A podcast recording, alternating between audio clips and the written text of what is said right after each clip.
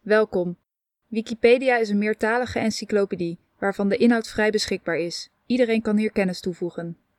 Wikipedia in het Nederlands. Willekeurige pagina.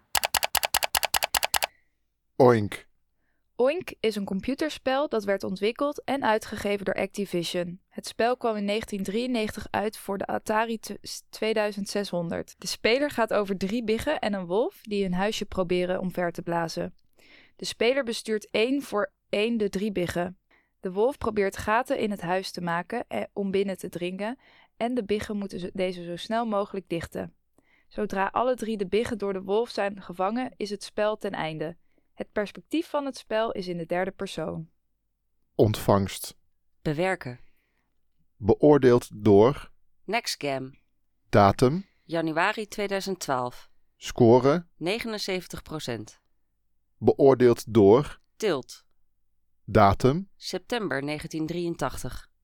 score, 67%. beoordeeld door The Video Game Critic. datum, 14 mei 2001. score, 0%. ports, Bewerken.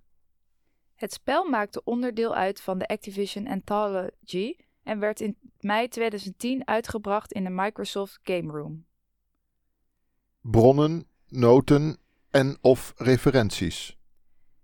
EN. E Oink. Op Moby Games. Oink.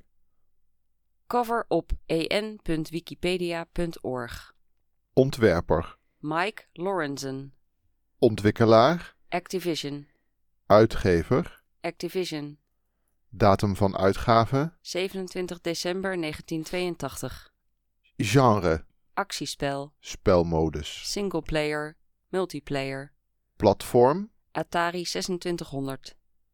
Portaal Computerspellen Categorieën Computerspel uit 1982. Computerspel van Activision. Actiespel. Atari 2600 spel.